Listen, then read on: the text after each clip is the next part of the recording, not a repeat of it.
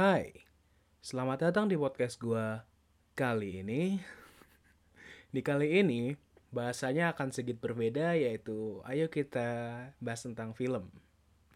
Film yang gua suka dan mungkin gua akan rekomendasikan ke kalian semua. Ya, nama gua Titis dan selamat datang di Michio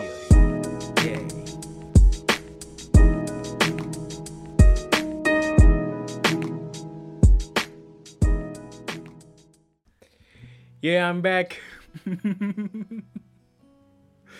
Setelah beberapa minggu tidak upload podcast, gue menghilang dari peradaban. Excuse gue. Apa ya? Hmm, yang menarik, yang menarik apa ya? Excuse yang menarik. Hmm, gue berkelana, oke? Okay? Berkelana mencari kitab suci. Padahal gue udah punya kitab suci aduh bahaya. Ya udahlah ya. Hmm, anggap aja gue sakit kemarin. Nggak nggak nggak. Jadi alasan gue menghilang untuk beberapa waktu karena gue sedang tidak ingin ngapa-ngapain. Itu excuse yang cukup bisa diterima lah ya. I mean like I need to rest you know. Dan ya waktu istirahat itu gue pakai untuk membenarkan diri gue kayak memperbaiki diri gue karena mungkin ada beberapa satu dan lain alasan gitu kan ya. Ya tidak lepas dari keadaan sih sebenarnya. And I just don't wanna mm, contact with human even from online. Dan gue gimana ya? Aduh capek pokoknya udah. Dan gue pengen buat istirahat karena udah nyelesain semester gua kali ini dan sudah menerima nilainya cukup buruk. Tapi ya udahlah ya waktu gua di sini masih banyak. Ya udah oke semester depan gue dulu lebih baik lagi mantap. Ya ketika gua meninggalkan peradaban ya kemudian balik lagi nih. Pas ditinggal-tinggal balik ternyata banyak yang terjadi.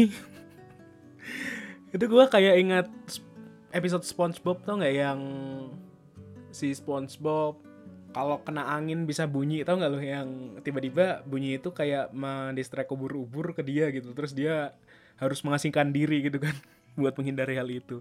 Ketika dia balik ke begini bottom Krusty mana? Terkubur dong. Itu berapa tahun anjir? Kagak jelas kagak jelas. Ya sejenis itulah ternyata banyak yang berubah gitu loh entah ada Oreo sama Supreme lah itu. Collab teraneh yang pernah gue dengar adalah sebuah produk makanan. Biskuit ya. Yang collab sama produk tekstil gitu. Bukan tekstil siapa sih? Pakaian gitu lah pokoknya ya. Ya pokoknya lu ngerti Supreme lah ya lu ngerti Supreme yang habis habis gitu ya dan dijual seharga lima ratus ribu aja guys siapa yang ingin membeli biskuit cuma tiga cuma tiga slice tiga slice aja apa sih namanya? Tiga keping ya tiga keping biskuit lima ratus ribu gila. Siapa yang ingin membeli? Hey makan gituan anak kos bisa makan sebulan tuh. Sebulan cuman berbekal biskuit doang. Anjing tiga lagi oreo lagi ya kita tahu anak kosan bukan pasar mereka ya. Tapi aneh aja gitu anjing. Saking anehnya aduh udahlah banyak yang aneh di dunia ini gitu kan ya. Kemarin aja ada yang sedang itu apa merilis lagu baru. Udah jangan jangan ngomongin itulah anjir udah. Ya. Ngomong-ngomong soal aneh nih ya. Mungkin Indonesia negara kita ini nggak akan jauh-jauh amat dari kata aneh gitu kan. Lu pikir negara Jepang doang yang aneh? Enggak Indonesia juga dong. Tapi anehnya berkelas kita. Jadi gini jadi gua tuh selama masa karantina, selama masa gua sendirian aja ya di kosan. waktu tidur gua dan waktu bangun gua amburadul guys. dan ya gua mungkin tiap hari kayak setiap pagi tuh bangunnya jam berapa 10 gitu kan. Ngantuk doang kayak abis bangun tidur gitu kan. Dan biasanya seperti orang kebanyakan, orang umum kebanyakan, kaum milenial nih, kalau habis bangun tidur selalu ceknya HP gitu kan. Gue cek HP apakah ada notifikasi? Oh, ternyata tidak. Saya lupa kalau saya introvert. Gue nggak punya teman. Dan gue sendirian di sini. Oke. Jadi gue buka Twitter. Dan di timeline Twitter gue nemu tweet gitu. Eh, iya, iya kali gue nemu ini apa sih harta karun Eldorado. Asal lempar aja. Jadi iya gue nemu tweet dan di tweet itu ada video nih yang cukup menggelitik cukup merangsang hmm, pankreas saya untuk tertawa gitu. Jadi pankreas gue tuh bisa ketawa gitu kan. Apa sih? Ya ya udah lah gitu nemu video aneh gitu lah kayak tiba-tiba nih ya gue buka chat nih ada seorang ibu-ibu uh, nyebut gini ibu-ibunya nyebut astagfirullahalazim terus dia ngelihat kompor nih di kompor ada panci mendidih airnya gitu kan. Lu tahu nggak apa yang ada di dalam panci tersebut? Boneka Hello Kitty. Anjing, ini apa-apa sih anjir? Orang baru bangun tidur disuguhin gini Mata masih tidak bisa melihat apa yang baik dan apa yang buruk gitu kan. Udah kehilangan keimanan di mata nih. Gak, gak, gak, astagfirullahaladzim. Jadi ya gue ngeliatin itu kan kayak nge video gitu kan. Si ibu-ibu lagi nyebutnya astagfirullahaladzim ngeliat si panci ini yang penuh ada Hello Kitty-nya gitu. Terus ya skin skin itu berjalan. Kemudian gara-gara ibu itu teriak astagfirullah tadi suaminya maybe nggak tahu gue jalan ceritanya gimana si suami maybe ya anak ada laki-laki lah gitu gitu kan. Ngampiri dia gitu kan. Terus bilang itu ada apa bu? Ini mas ada ini Hello Kitty terus si suaminya nyebut juga astagfirullah gitu. Terus ada lagi nih adek-adek, adek-adek, adek-adek dari kamarnya kan kedengaran orang tuanya. untuk ini kan. Terus dia nyambi ngampirin dong nyampirin orang tuanya ke dapur gitu kan. Ngeliatin bonekanya gitu kan dia nyebut juga astagfirullah bonekaku itu boneka dia ternyata. Nah pertanyaan gue adalah di sini ya. Kenapa Hello Kitty? Dan itu pagi-pagi ketika gue lagi habis bangun tidur gitu kan masih setengah sadar nih ngeliatin ketiku gituan gitu kan. Anjing ini ada apa lagi di Indonesia hidup ini gitu kan. Ternyata ada captionnya tuh video. Videonya captionnya dibalik Hello Kitty direbus gitu hey tidak menjelaskan apa-apa rupanya. Ya ternyata itu thread gitu kan. Dari at Aya Swords gitu kan. Mbaknya namanya Aya Swords yang bikin thread ini gitu kan. Terus dia yang ngejelasin dibalik Hello Kitty yang direbus tersebut. Jadi ternyata ya kedebak sih. Itu merupakan suatu scene film di mana film tersebut adalah potongan dari sinetron Indonesia so pasti apa pun yang aneh apa pun yang apa ya uh, mengganjal gitu kan mengganjal perut ini itu pasti adalah sinetron Indonesia gitu kan. Kalau nggak azab apalah gitu gitu kan. Tanpa mengurangi respect ke distributor film Indonesia mantap. Nggak nggak. Tapi aneh gitu loh kenapa sih kenapa bisa kepikiran dah scene tersebut ada di situ gitu kan itu gak, gak jelas gitu kan. Aduh kalau dipikir-pikir lagi scene itu keselin banget. Ternyata uh, utas itu adalah klarifikasi dari mbaknya. Yang ternyata yang bikin utas itu adalah seorang penulis. Penulis ini apa skrip gitu dari sinetron yang berinisial berinisial SYK. gak tahu nih ya, gue gua nggak pernah nonton film atau nonton sinetron di TV semenjak gue ngekos karena tidak ada TV di sini. Saya bebas. gue aja kagak tahu apa iklan yang ada di TV sekarang apa aja gitu kan biasanya ada di iklan di YouTube kan gitu itu aja gue pakai adblock eh Jangan ditiru guys, mematikan konten kreator. ya, jadi sama mbaknya dijelasin kenapa bisa sampai ada scene begituan gitu kan. Ternyata si mbaknya itu dikejar deadline bersama penulis-penulis lainnya, penulis skrip lainnya gitu kan. Nah pas nulis itu udah tengah malam dan terus aja dong orang pas tengah malam kalau nggak mabok uh, ini apa halu gitu. Dia nulisnya sambil halu, sambil dikejar deadline itu gimana lagi pokoknya udah selesai. Dan dia ditekan lagi sama yang namanya ini scene harus lulus sensor. Lu tahu kan seberapa ketatnya censorship di kita gitu kan. Apabila film tersebut atau sinetron tersebut yang scene-nya melibatkan anak-anak, gak boleh ada yang namanya kekerasan. Seperti terbakar, dicabik, atau apalah gitu gitu kan. Itu harus gak ada gitu kan. Akhirnya si apa penulis ini kudu menyediakan skrip yang aman gitu kan untuk scene tersebut gitu. Kalau misalkan dia pakai dibakar gitu, wah ini kekerasan banget nih, dicabik kekerasan juga nih, pasti sensor sama KPI dan lembaga-lembaga lain yang gitu nggak tahu juga sih. Jadi untuk meminimalisir, membebah, dah, anjir lidah gua, meminimalisir kejadian tersebut, dia menggunakan scene itu gitu, yang mana udah nggak usah pakai mikir lagi, dia udah kehilangan ide, pokoknya udah di tengah malam dan deadline-nya sejam doang gitu kan akhirnya Hello Kitty lah rebus Hello Kitty gitu. Kita nggak tahu.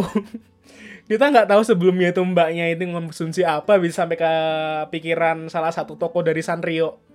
Itu direbus gitu. Itu kalau misalkan yang punya Sanrio ngelihat itu sinetron ya nggak tahu sih gimana jadinya.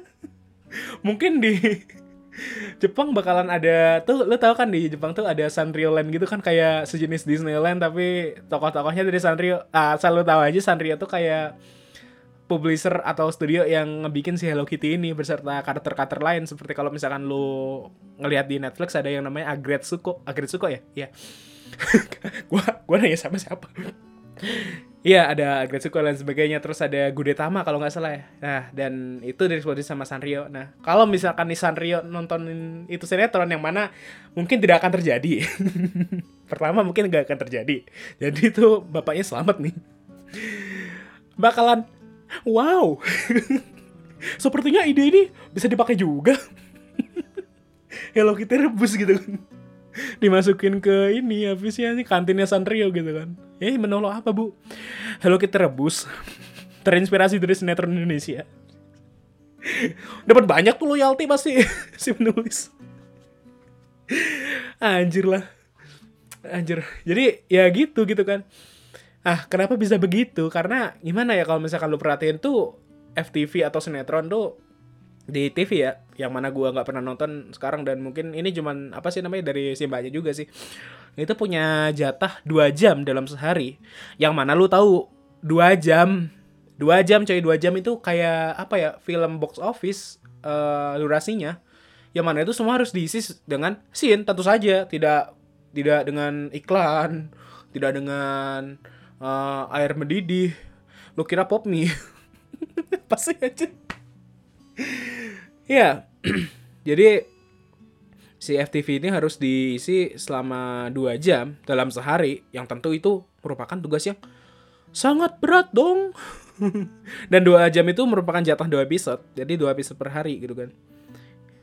Itu gue nggak kebayang sih uh, gimana perasaannya si penulis atau gimana kerjaannya si penulis dan orang-orang kru di belakangnya itu yang mungkin cukup chaos juga gitu kan dan gue gue masih menanyakan kenapa harus dua jam per hari gitu kan yang mana kalau uh, kalau setahu gue ya episode misalkan nih anime nih yang mana uh, mungkin uh, pembuatannya tidak sesimpel seperti film sih tapi ya gue nggak tahu sih gue bukan pengamat film apa apa gitu kan tapi gue taunya tuh kalau di anime tuh per frame-nya kudu digambar gitu kan ya itu pasti lah. Atau menggunakan 3D model gitu loh. Kayak misalkan ada anime idol yang gerak-gerakannya banyak gitu. Nggak mungkin diisi dengan frame per frame karena ya chaos lah lu tahu pasti chaos gitu kan. Dan gerakannya kudu mulus gitu. Kalau misalkan anime kan biasanya berapa fps gitu. Pokoknya paling tinggi itu gue taunya tuh yang Tyrian si siapa tuh dari Kaguya sama tuh. Ya itulah pokoknya itu sekitar 30 fps loh itu. Dan dananya sangat besar sekali untuk membuat kayak gitu. Pasti di bawah 30 pastinya itu aja. Itu perlu satu minggu. Ah enggak ding pokoknya durasinya durasinya. Apa kayak dia si episode satu baru muncul tuh itu harus seminggu gitu kan uh, rentang waktunya. Yang mana cukup memiliki waktu juga untuk dilakukan gitu kan. Ini itu aja 30 menit coy. Ini nih per hari per hari iya per hari. Dalam seminggu ya nggak tahu sih itu mungkin ada beberapa FTV yang nggak kayak gini tapi gue taunya dari sini gitu kan. Itu dua jam gitu loh. Dan gue dapat dari informasi dari thread tersebut si mbaknya bilang dalam satu hari itu harus setor 3 sampai 6 episode. 3 sampai 6 episode sehari coy. Kerja Rodi itu mah. Kayak eh kok gua ngomong kayak ngepick terus ya? Anjir oh ini belum di ini dikecilin. Sorry sorry sorry. Ya jadi gua ini pakai mic mic baru gitu anjir. Ria pendidikan Ria. Ya udah dikecil nggak ya? Nggak tahu deng. Uh, ya uh, mohon maaf ya untuk yang tadi tadi kalau misalnya ngepick. Ya mungkin sekarang nggak. Ah mantap. Nggak. Ntar gue bakalan edit sebisa gue lah. Sorry yang awal-awal nggak pleasant gitu buat didengar. Oke lanjut. Tadi apa? Hmm, oh ya itu kerja Rodi pastinya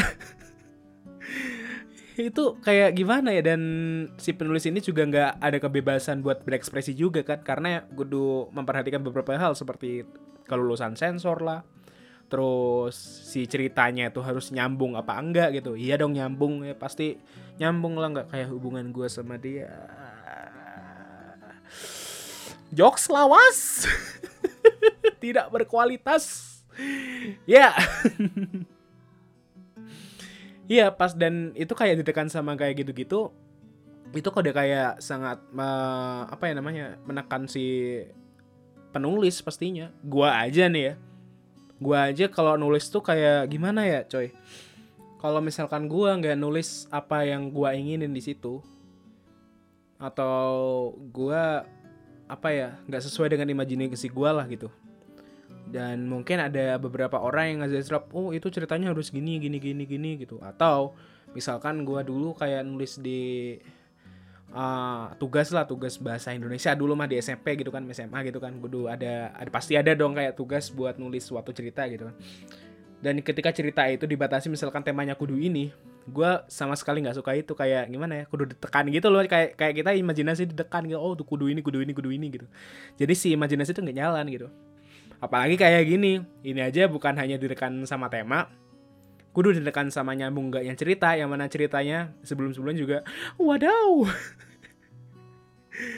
Belum lagi kerja sama orang, dan lagi itu ditekan sama ini adegan aman gak ya? Gitu yang pasti itu anjir stres banget. Gue bisa gak bisa bayangin sih. Jadi nggak tahu deh untuk sekarang gue bakalan respect ke penulis penulis sinetron Indonesia yang mana itu mungkin perlu kerja keras untuk itu gitu.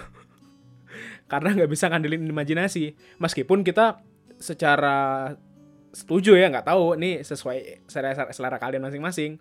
Setuju bahwa kita tidak bisa mengapresiasi sinetron di Indonesia karena sampah tidak ada yang namanya Hello Kitty direbus ya Allah Allah Akbar. Kenapa sih? Hey. Kalau mikir tuh kudu normal dikit kenapa sih? Ya Allah KPI KPI ya. Jadi seperti yang gue dapetin gitu kayak nulis tuh apalagi kerja sama orang kudu ini kudu menghilangkan yang namanya ego gitu. Dan itu mungkin sulit buat gue gitu. Apalagi mengandalkan imajinasi. Tadi itu juga mengutip ke apa sih omongan seseorang sih sebenarnya kalau kerja tuh di dunia kerja yang namanya ego tuh nomor ke 100 kesekian lah gitu.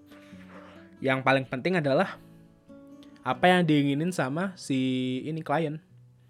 Kalau di dunia industri kreatif ya nggak tahu juga sih. Ya, jadi gitu.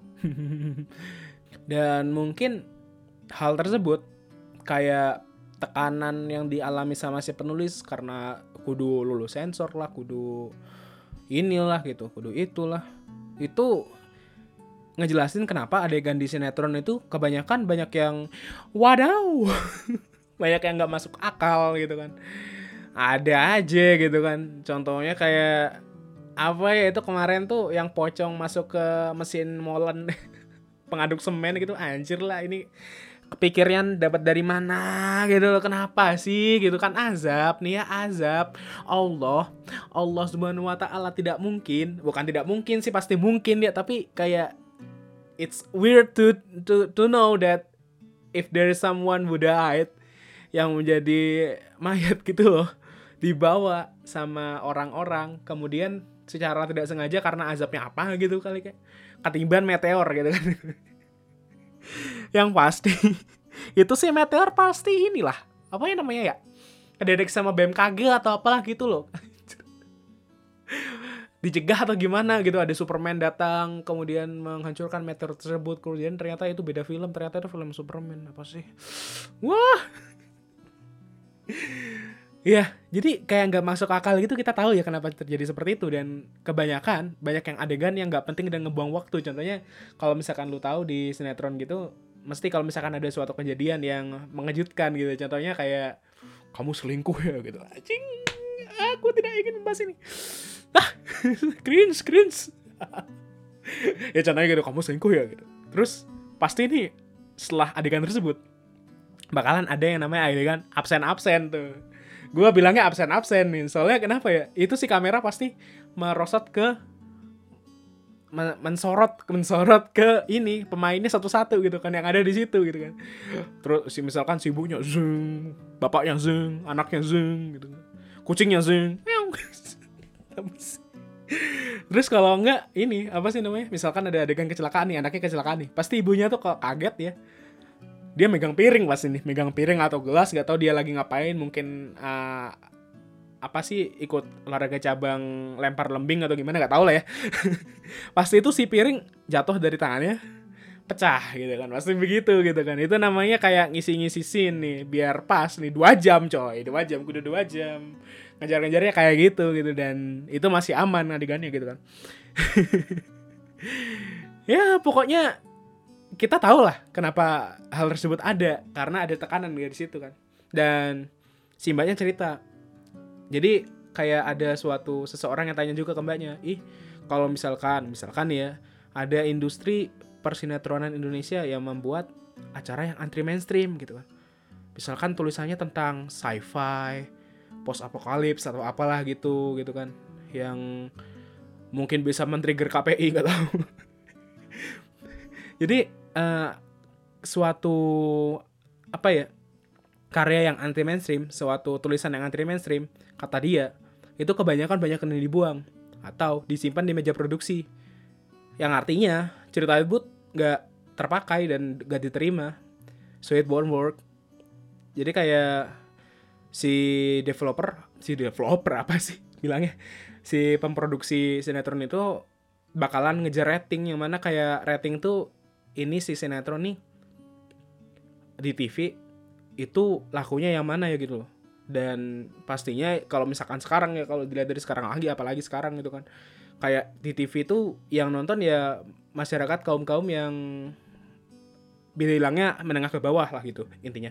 Yang mana hiburan mereka cuma TV doang gitu kan. Dan sesuai dengan selera muncullah yang namanya demand gitu kan. Dan developer developer lagi apa sih? Pemproduksi ini si sinetron ini pastinya mengejar demand yang mana demand itu adalah rating yang mana rating itu adalah orang-orang yang melihat gitu Nah, berhubungan orang-orang yang banyak melihat keja apa itu apa sih namanya kayak bentuk sinetron seperti itu mereka nggak mau nggak main aman gitu mereka nggak mau nggak main aman gitu. Mereka main aman gitu. Anjir gue ngomong belibet udah lama gak nge-podcast nih. Sorry ya. Jadi kayak sehingga kenapa banyak web series atau dari Indo tuh kebanyakan ya bisa dibilang wadaw. Malah nih ya bahkan gue gue taunya tuh gue nggak pernah nonton sih tapi kebanyakan orang bilang kalau misalkan ada beberapa web series dari Indonesia atau misalkan film you can say that itu banyak yang bagus-bagus gitu. Kalau misalkan gua tuh dulu kemarin deng kemarin gue nonton di Netflix tuh ada The Night Comes for Us atau gimana gitu loh. Ya itu kayak pembuatnya sutradaranya tuh sama kayak sutradara si film apa sih namanya? The Raid ya? Eh The Raid. Yang mana itu film laga gitu kan. Dan gore pasti kayak gue nonton pusing anjir gitu kan. Pusing karena gimana ya gue nggak nggak kuat sama yang berbau gore-gore tapi gue masih bisa nonton center tapi ini kebanyakan anjir kayak itu kayak scene fight-nya tuh udah gimana ya? Ini nih misalkan gebuk-gebukan nih saat si lupa namanya. Ya itulah pokoknya. Gebuk-gebukan gitu kan. Udah selesai musuhnya mati ada musuh lagi gitu kan. Musuhnya mati ada musuh lagi dia gebuk-gebukan sampai kalau kalau nggak salah berarti 30 menitan gitu lah terus tiba-tiba bos terakhir nih wah gue bukan lagi udah hampir sampai sampai akhir nih ya. Gue ingat betul scene tuh ada di kayak mesin gergaji tau nggak? Yang gergaji kayu yang ada roda muter-muter di ini di ujung kayak meja gitu kan. Itu si musuh ditempelin ke situ set wah ini pasti penghabisan nih gitu kan. Gue gua pikirnya gitu. Ini pasti si musuh bakalan kena gergaji terus saya kepala putus apa gimana? gitu. Enggak coy. Ternyata tidak berakhir demikian gitu tapi alhamdulillahnya berakhirnya tidak anti klimaks gitu kan. Bagus lah gitu pokoknya akhirnya. Tapi kayak ya gitulah pokoknya. Dan intinya kayak film tersebut bagus menurut gue kayak anjir ini bagus banget. Gue bahkan kayak nggak nyangka kalau film itu dari film Indonesia gitu kan. Walaupun dalam segi cerita nggak membangun. Kenapa ya? Karena mungkin itu film cuma durasinya dua jam dan banyak karakter yang muncul dan kita nggak bisa tahu penilaian karakter itu seperti apa di film tersebut. Dan mereka berfokus sama laga sih jadi ya gua maklumin lah gitu. Tapi kayak itu bagus banget gitu. Dan apabila di apa dibandingin sama sinetron di Indonesia di TV itu kayak beda banget gitu. Kenapa? Karena dia itu tadi mengejar rating dan dia nggak mau nggak main aman. Karena masalah kultur lebih tepatnya kayak oh berarti kalau misalkan di Indonesia TV-nya kayak gini ya udah kita suguhin ini aja terus gitu yang mana banyak muncul sinetron-sinetron yang serupa dan kualitasnya sama aja gitu gitu. Apalagi ini kembali lagi coy dua jam per hari gitu. Mati itu anjir Allah Akbar. Gue terbuka mata gue kenapa kok sinetron Indonesia kayak gitu dan mungkin sulit juga buat mengembangkan hal tersebut di TV Indonesia. Kita main tidak aman hasilnya tersebut seperti itu gitu seperti yang terjadi di sama apa sih stasiun TV kemarin? Hmm, NE TV gue nggak tahu si mereka jatuh karena apa tapi yang jelas mereka mencoba untuk berbeda kan. Yang mana perbedaan tersebut malah bikin jatuh itu nggak tahu deh buka karena apa jatuhnya tapi yang jelas rating mereka jadi kayak kayak gitu sekarang kayak lebih kayaknya nggak tahu deh lebih mementingkan rating sekarang atau juga. Bahkan ada kasus juga si si dia ngencuri ngencuri apa sih pemakai uh, klip video dari youtuber gitu loh. Lu tau YouTube Crash kan? Nah itu kayak ada suatu acara mereka yang ngambil plug ngambil gitu kan. Plug ngambil video dari mereka dan gak bilang-bilang ambil asal ambil aja dan video warper packnya itu di kayak ditutupin gitu di blur gitu. Ya cukup mengesalkan tapi kayak ya udahlah gitu. Yang namanya TV gitu. Apa yang kita bisa apa sih yang bisa kita harapkan dari sana gitu. nggak ada gitu. akhirnya banyak disclaimer juga gitu. Emang ceritanya kalau misalkan di sinetron tuh rada trashy dan it's not for us. Masalah serela lagi. Mungkin kalian ada yang menyukainya menyukai nonton sinetron di TV atau gimana nggak tahu juga. Tapi gua nggak gitu. Anjir.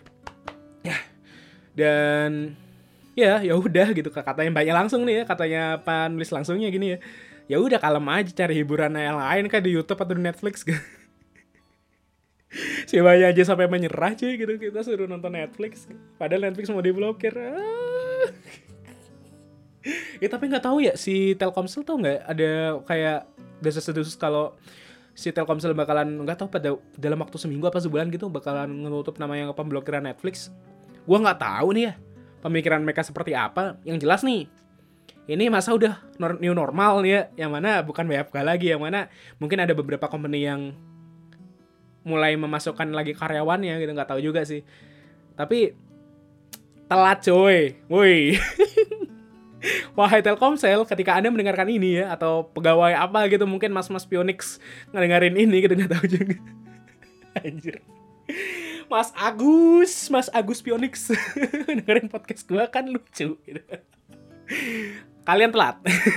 yang pertama kalian telat. Ah, kalian melewatkan yang namanya traffic nih. yang mana orang-orang kalau misalkan pas liburan kemarin pastinya nontonnya Netflix gitu masyarakat kaum menengah ke atas atau ke siapa lah gitu yang bisa ya itulah pokoknya itu aduh dan ya seperti yang gue lakukan beberapa waktu lalu yang mana gue selain bertapa nih bertapa di Gunung Kidul gitu apa sih? Gue mencari hiburan lain karena yang pertama gue nggak bisa pulang karena kereta jalur kereta itu masih ditutup loh. Dan apabila menggunakan pesawat juga gua nggak ada dana gitu kan. Dan banyak kayak apa ya sejenis perlengkapan yang kudu dibawa gitu kayak surat-surat dan segala macem. Yang mana katanya bisa dibeli gitu. Aneh bet aneh gitu kan. Surat kayak gitu bisa dibeli goblok ya. Tapi kayak ya gua me, apa sih namanya? Gua memutuskan tuh nggak pulang dulu gitu kan. Ya meskipun kangen sih sama orang tua tapi ya mau gimana lagi gitu kan. Akhirnya gue mencari hiburan lain gitu kan. Nonton YouTube kalau nggak Netflix. Gitu. di YouTube gue nontonnya VTuber. Anjir membuka aib. Karena nggak ada tontonan bagus lagi. Oh tapi kemarin tuh gue nemu kayak apa ya sejenis channel gitu keren banget channel masak gitu. Ya gue suka channel masak gitu kan.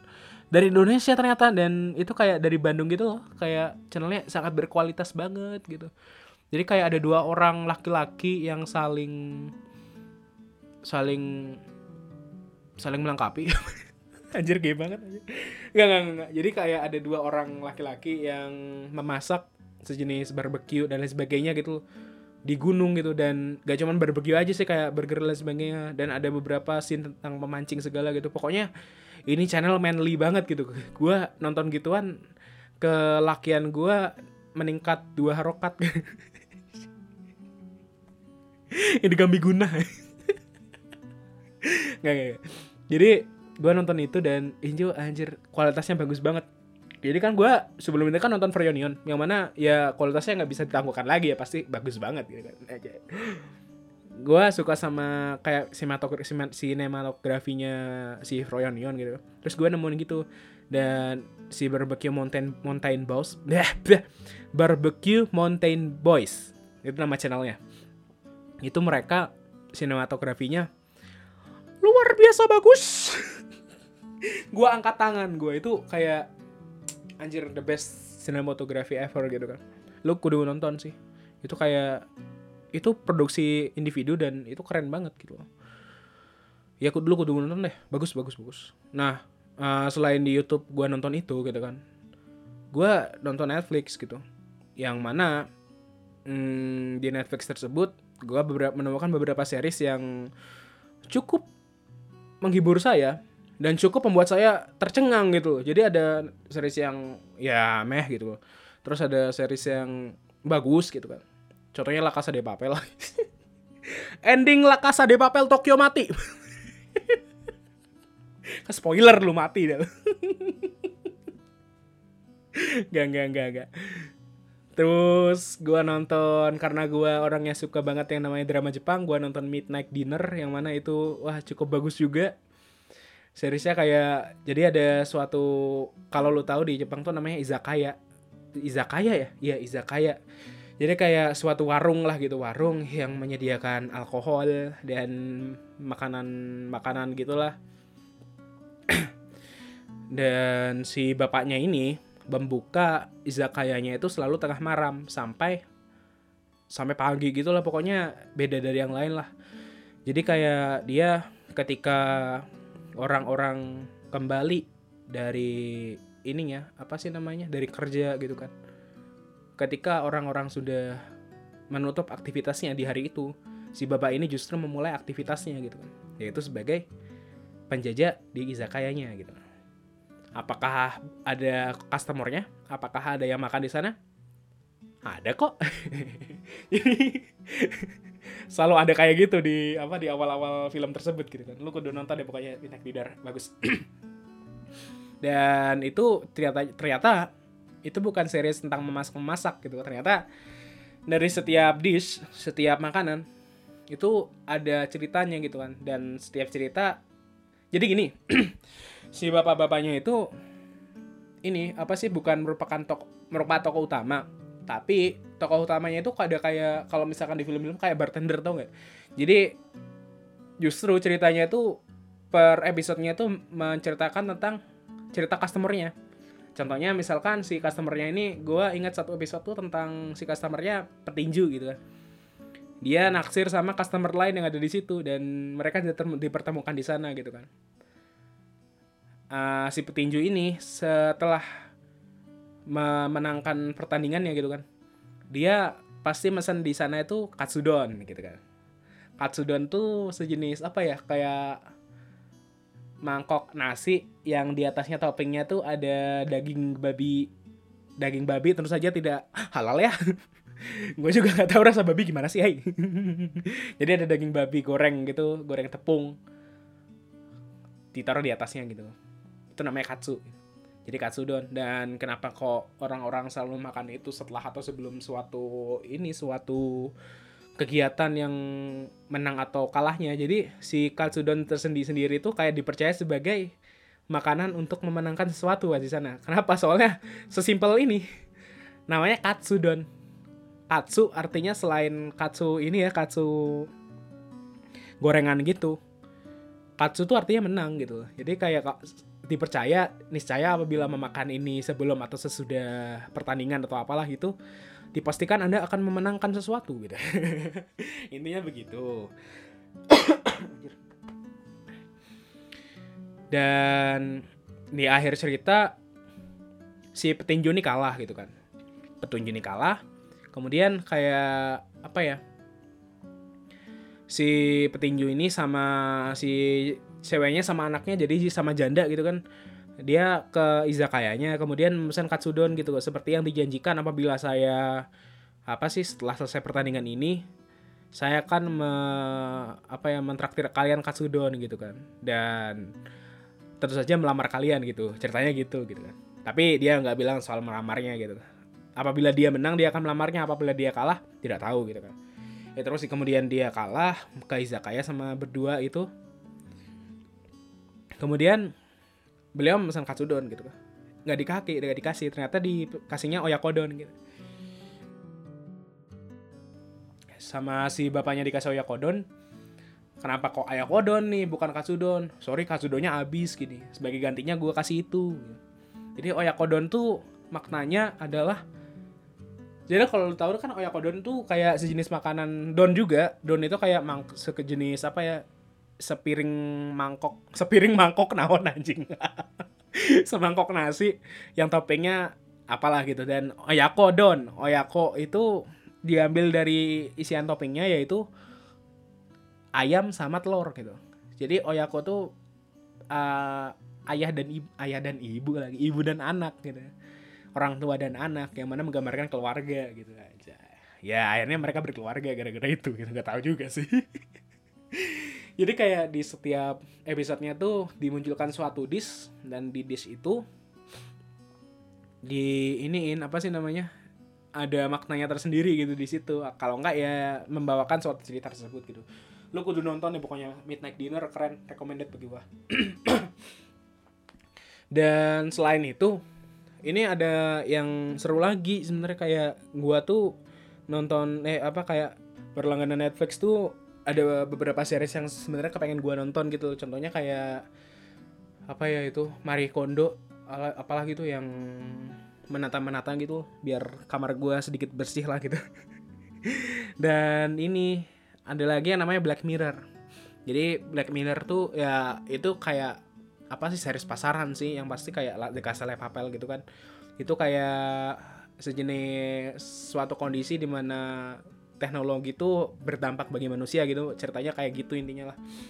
Dan gue nggak sengaja menemukan series ini si Black Mirror tapi bukan Black Mirror biasa jadi kayak bentuknya film.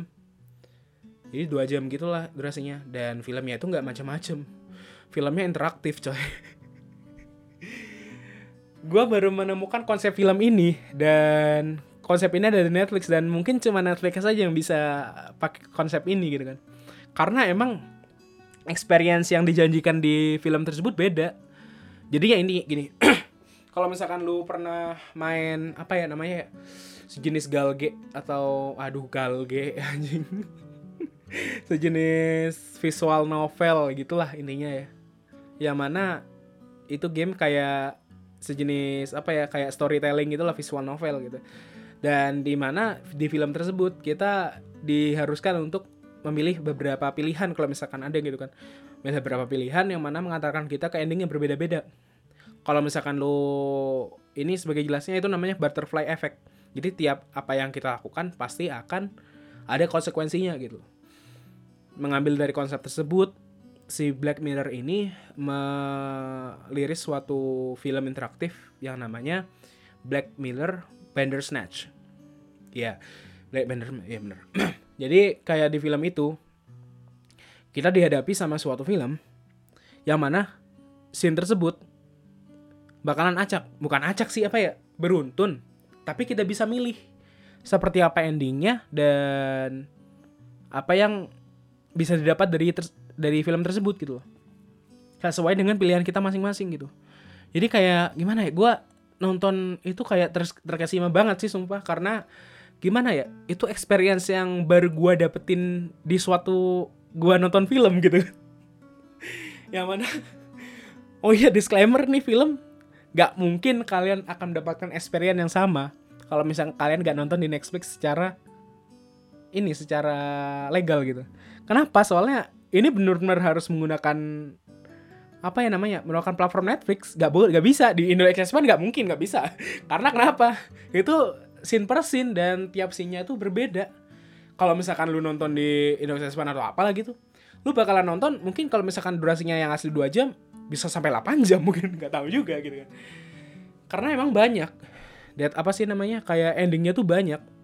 Multiple ending. Dan lu bisa memilih ending tersebut sesuai apa yang lu inginin gitu. Sesuai dengan pilihan lu masing-masing gitu jadi intinya kayak ceritanya tuh emang kayak nggak nggak ini gak gini gini amat sih kayak ada seseorang ini latarnya sekitar tahun 90-an gitu loh.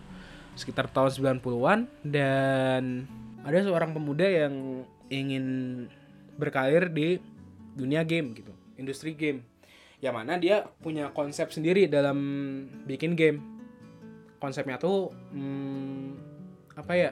Ya game yang mengandalkan butterfly effect.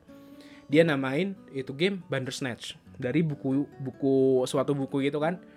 Buku itu judulnya Bandersnatch.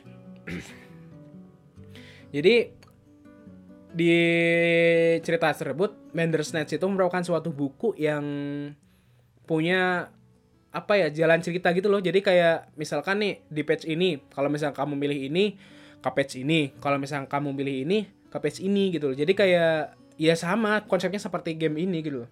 Dan dia bikin game tersebut dan ya udah gitu kan. Sampai di mana akhirnya endingnya kita bisa pilih gitu. Kita bisa bikin orang ini gila sampai membunuh bapaknya atau gimana gitu. Gue nggak bisa spoiler karena meskipun gue spoiler juga lu bakalan nemuin ending yang pasti berbeda gitu. Nggak akan sama coy. Saya aman di sini. Bisa aja itu anak sukses buat bikin game gitu. Tapi di penjara. Banyak multiple ending. Dan ada beberapa ending yang tidak dari gue sama sekali yang bisa bikin lo cuman menganga di layar komputer lo gue melakukan hal tersebut dan emang anjing banget. Dan bisa saja sampai kayak gini coy. Kayak si anak ini bisa nyadarin kalau misalnya kita nonton dia gitu. Gila loh. Kayak ada suatu pilihan gitu. loh jadi si anak udah gila gitu kan dia tahu kalau dia dikontrol yang mana itu kita yang kontrol dia tahu kalau ada keberadaan kita di situ gitu kan. Kemudian dia apa kayak kamu siapa? lah sebagainya gitu kan. Terus kita ada pilihan nih. Ada pilihan simbol gitu nggak tahu simbol apa. Kalau diceritanya adalah simbol apa gitu. Simbol pack apa begitu nggak tahu. Dan si sebelahnya lagi ada simbol Netflix nih. Gua sebagai orang yang curious gitu kan. Ini kalau misalkan gue ngoncat ini gimana ya gue pencet lah tuh ke lambang Netflix klik. Oh lu lihat sendiri. Gua ngakak ngakak-ngakaknya gitu anjing sampai bingung juga gitu. Anjir bisa aja nih developer gitu kan. Membuat suatu apa sih namanya kayak film interaktif yang bisa seinteraktif ini gitu. Itu merupakan experience yang gua nggak bisa ini sih nggak bisa sebaring ke lu pada. Lu kudu pakai experience eh, apa nonton gituan buat rasain experience ya. Dan lu nggak bisa nonton di Doi XX1 dong. Nggak bisa nonton di apa sih namanya kayak suatu hal yang ilegal gitu. Tidak bisa karena platformnya beda gitu. Ya intinya gitu gitu kan. Dan gua pikir setelah gua apa ya menghabiskan beberapa jam di film tersebut. Istilahnya bermain lah ini loh. Kayak kayak bermain bermain game. Itu gua penasaran dong apakah gua udah nge-unlock semua ininya semua apa sih uh, endingnya atau enggak gitu kan. Setelah gua lihat di YouTube sumber terpercaya. Ternyata ada ada ending lagi yang mana itu merupakan secret ending gitu loh dan gua amazed banget setelah lihat scene-nya.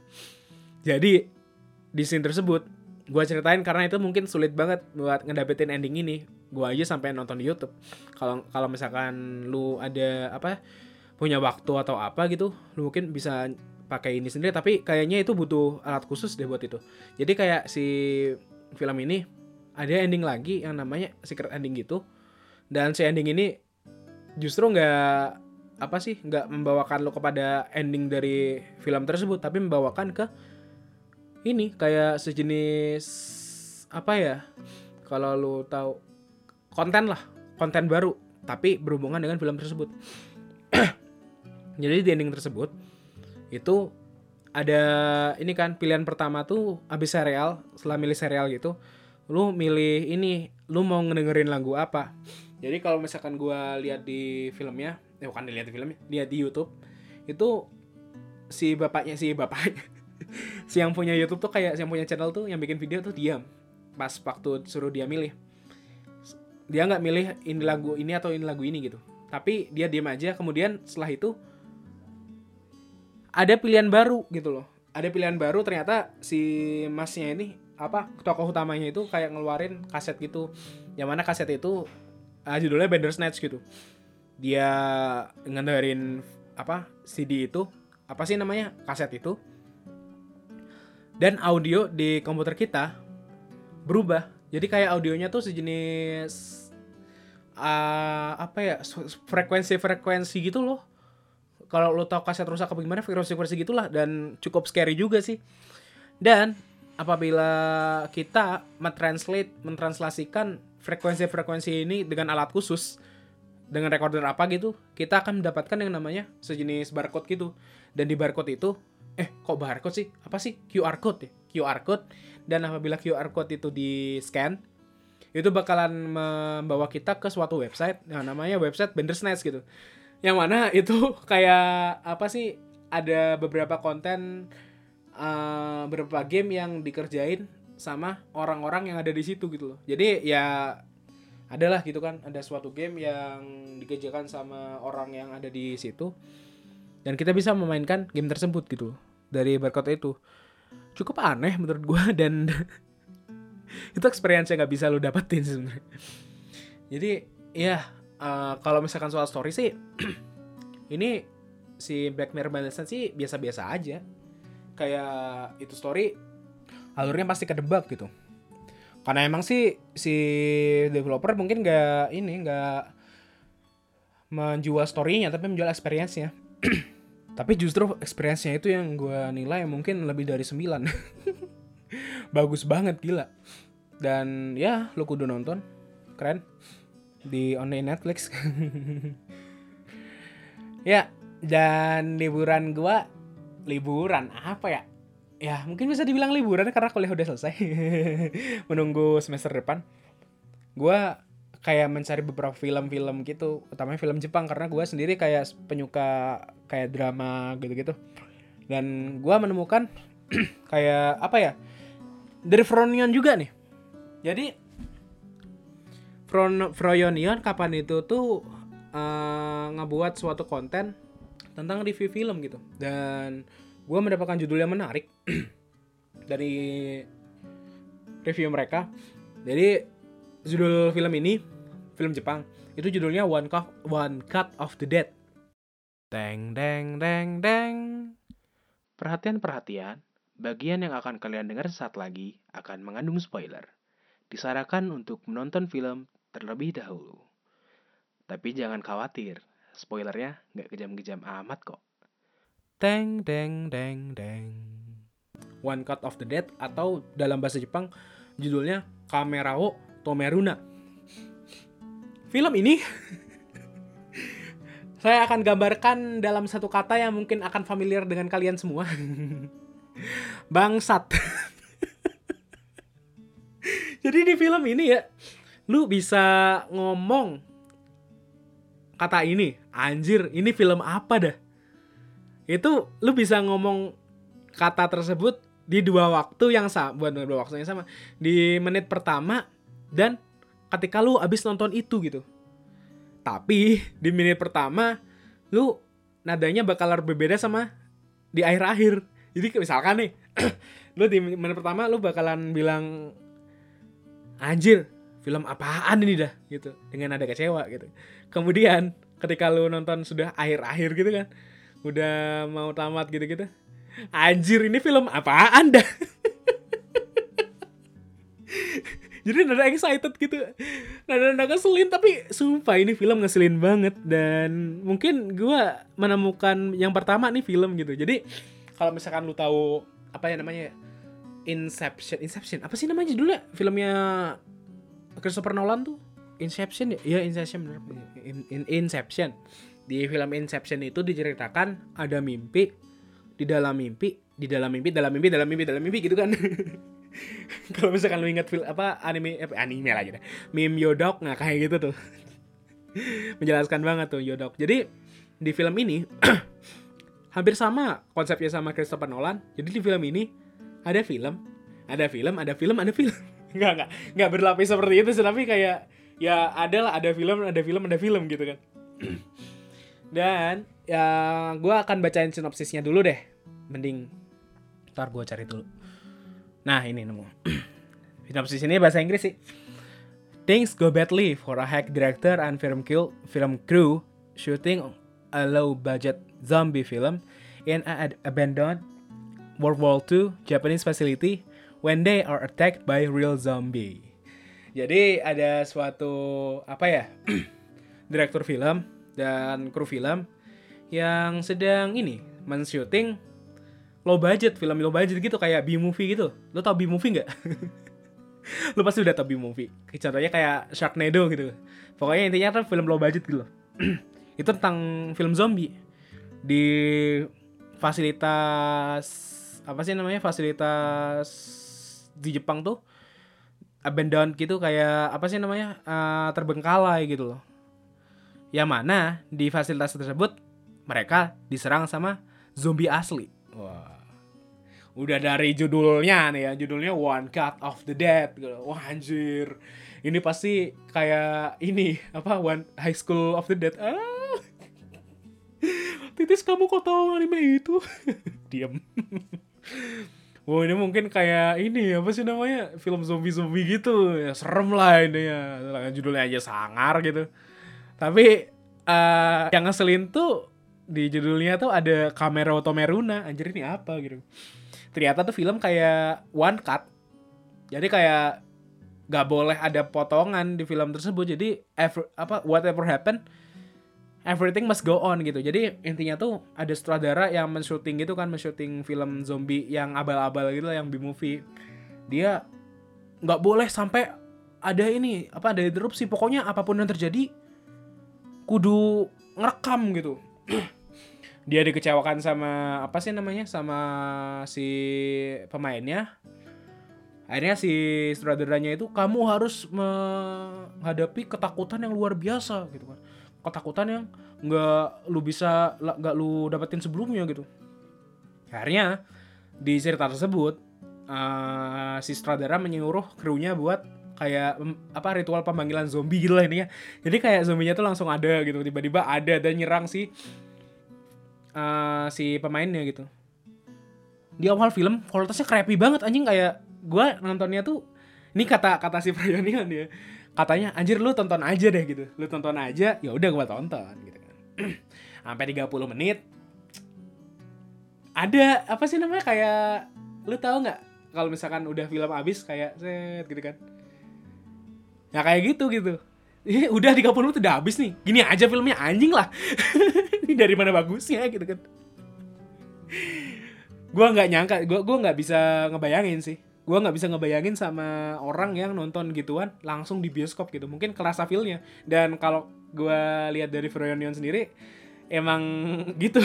Jadi di ceritanya tuh ketika di premiernya di bioskop banyak orang yang membayar 60 ribu untuk nonton film itu. Banyak nih kemudian setelah beberapa menit berlangsung mereka pulang kenapa kecewa mereka lah orang-orang yang merugi orang-orang merugi menghabiskan uang 60 ribu untuk melewatkan sesuatu hal yang wadaw gitu kan. Jadi lo nonton film ini kudu bersabar cuy. Jangan mengekspektasi, mengekspektasikan sesuatu gitu kan. Tonton aja udah, tonton aja. Dan lu bakalan dihadiahi dengan sesuatu yang gua kaget sama gua tertawa ke nangakak kebak-bak gara-gara film ini gara-gara ada plot twist. Yang di twist sedemikian rupa hingga merubah film horor yang harusnya horor banget nih One Call of the Dead. Jadi film Iya lo tonton sendiri. ah mungkin uh, di video ini bakalan ada ini ya, bakalan ada kayak sejenis apa ya? uh, disclaimer lah, disclaimer gitu kan. Ntar bakalan ada disclaimer buat yang non yang dengerin biar gak ke spoiler. Karena apabila lu spoiler sama film ini, lu nggak akan menikmati namanya apa sih namanya? Uh, film ini. lu nggak bakalan bisa menikmati film ini karena di film ini kuncinya adalah kaget. Dan tertawa. Anjir, lu lu kudu nonton ya pokoknya lu kudu nonton. Ini experience yang terbaik ketika gua nonton film gitu. Karena mungkin cuman ini yang mengadaptasi film itu dan apabila gua berbicara tentang genre ini film apa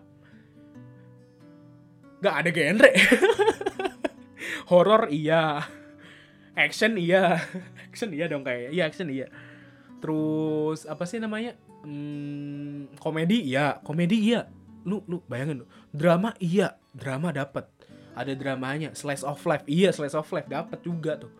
Terus ada apa sih namanya? Dokumenter dokumenter iya cuy. Lu kalau nonton dokumenter di Nat Geo kurang. Anda harus nonton dokumenter ini lu kudu nonton pokoknya dan ini keren banget. Kemudian uh, untuk soal cerita ya ya iyalah iya gitu kan. Mungkin kalau awal-awal lu baca lu, lu nonton buat ceritanya mungkin lu bakal langsung drop di film ini 5 menit awal gitu kan. Tapi ketika lu udah nonton sampai akhir wah angkat tangan lu pasti angkat tangan. Dan film ini kayak easy to watch. Nggak kayak film horor biasa ini film keren gitu kan dan apa sih namanya kayak lu nontonnya kayak nggak kerasa nonton film lu kayak sejenis apa ya? Ya lu nongkrong aja gitu. Pasti dan ah gila banget lah pokoknya intinya. Lu lu bayangin tuh ada suatu karakter yang mana karakternya bakalan berubah drastis perannya apabila lu mengerti backgroundnya gitu.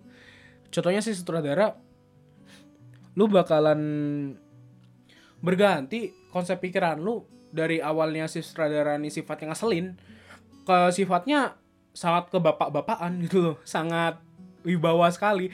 Lu kudu nonton. Gue udah bilang berapa kali gue udah nonton. Karena emang ya kudu nonton lu. Gue nggak bisa nyeritain apa-apa di sini anjir. Cuman gue cuman bisa ngerekomendasiin film ini. Karena emang keren banget. Dan gue nggak bisa nge-spoiler karena lu bakalan ini kehilangan experience lu ya. Gue nggak mau hal itu terjadi gitu kan. Ya itulah judulnya One Cut of the Dead ah banyak film-film yang membuka mata gue gitu.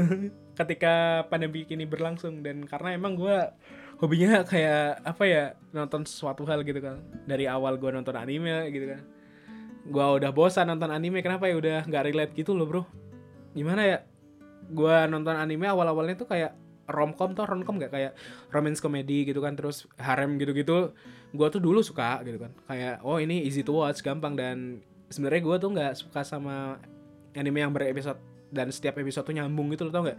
Kayak ada best story yang ketika lo nonton episode ini lo kudu nonton episode selanjutnya secara cepat gitu loh. Gue nggak suka itu karena gue tuh orang kayak easy going gitu loh, kayak hmm, kalau nonton ya udah chill gitu loh.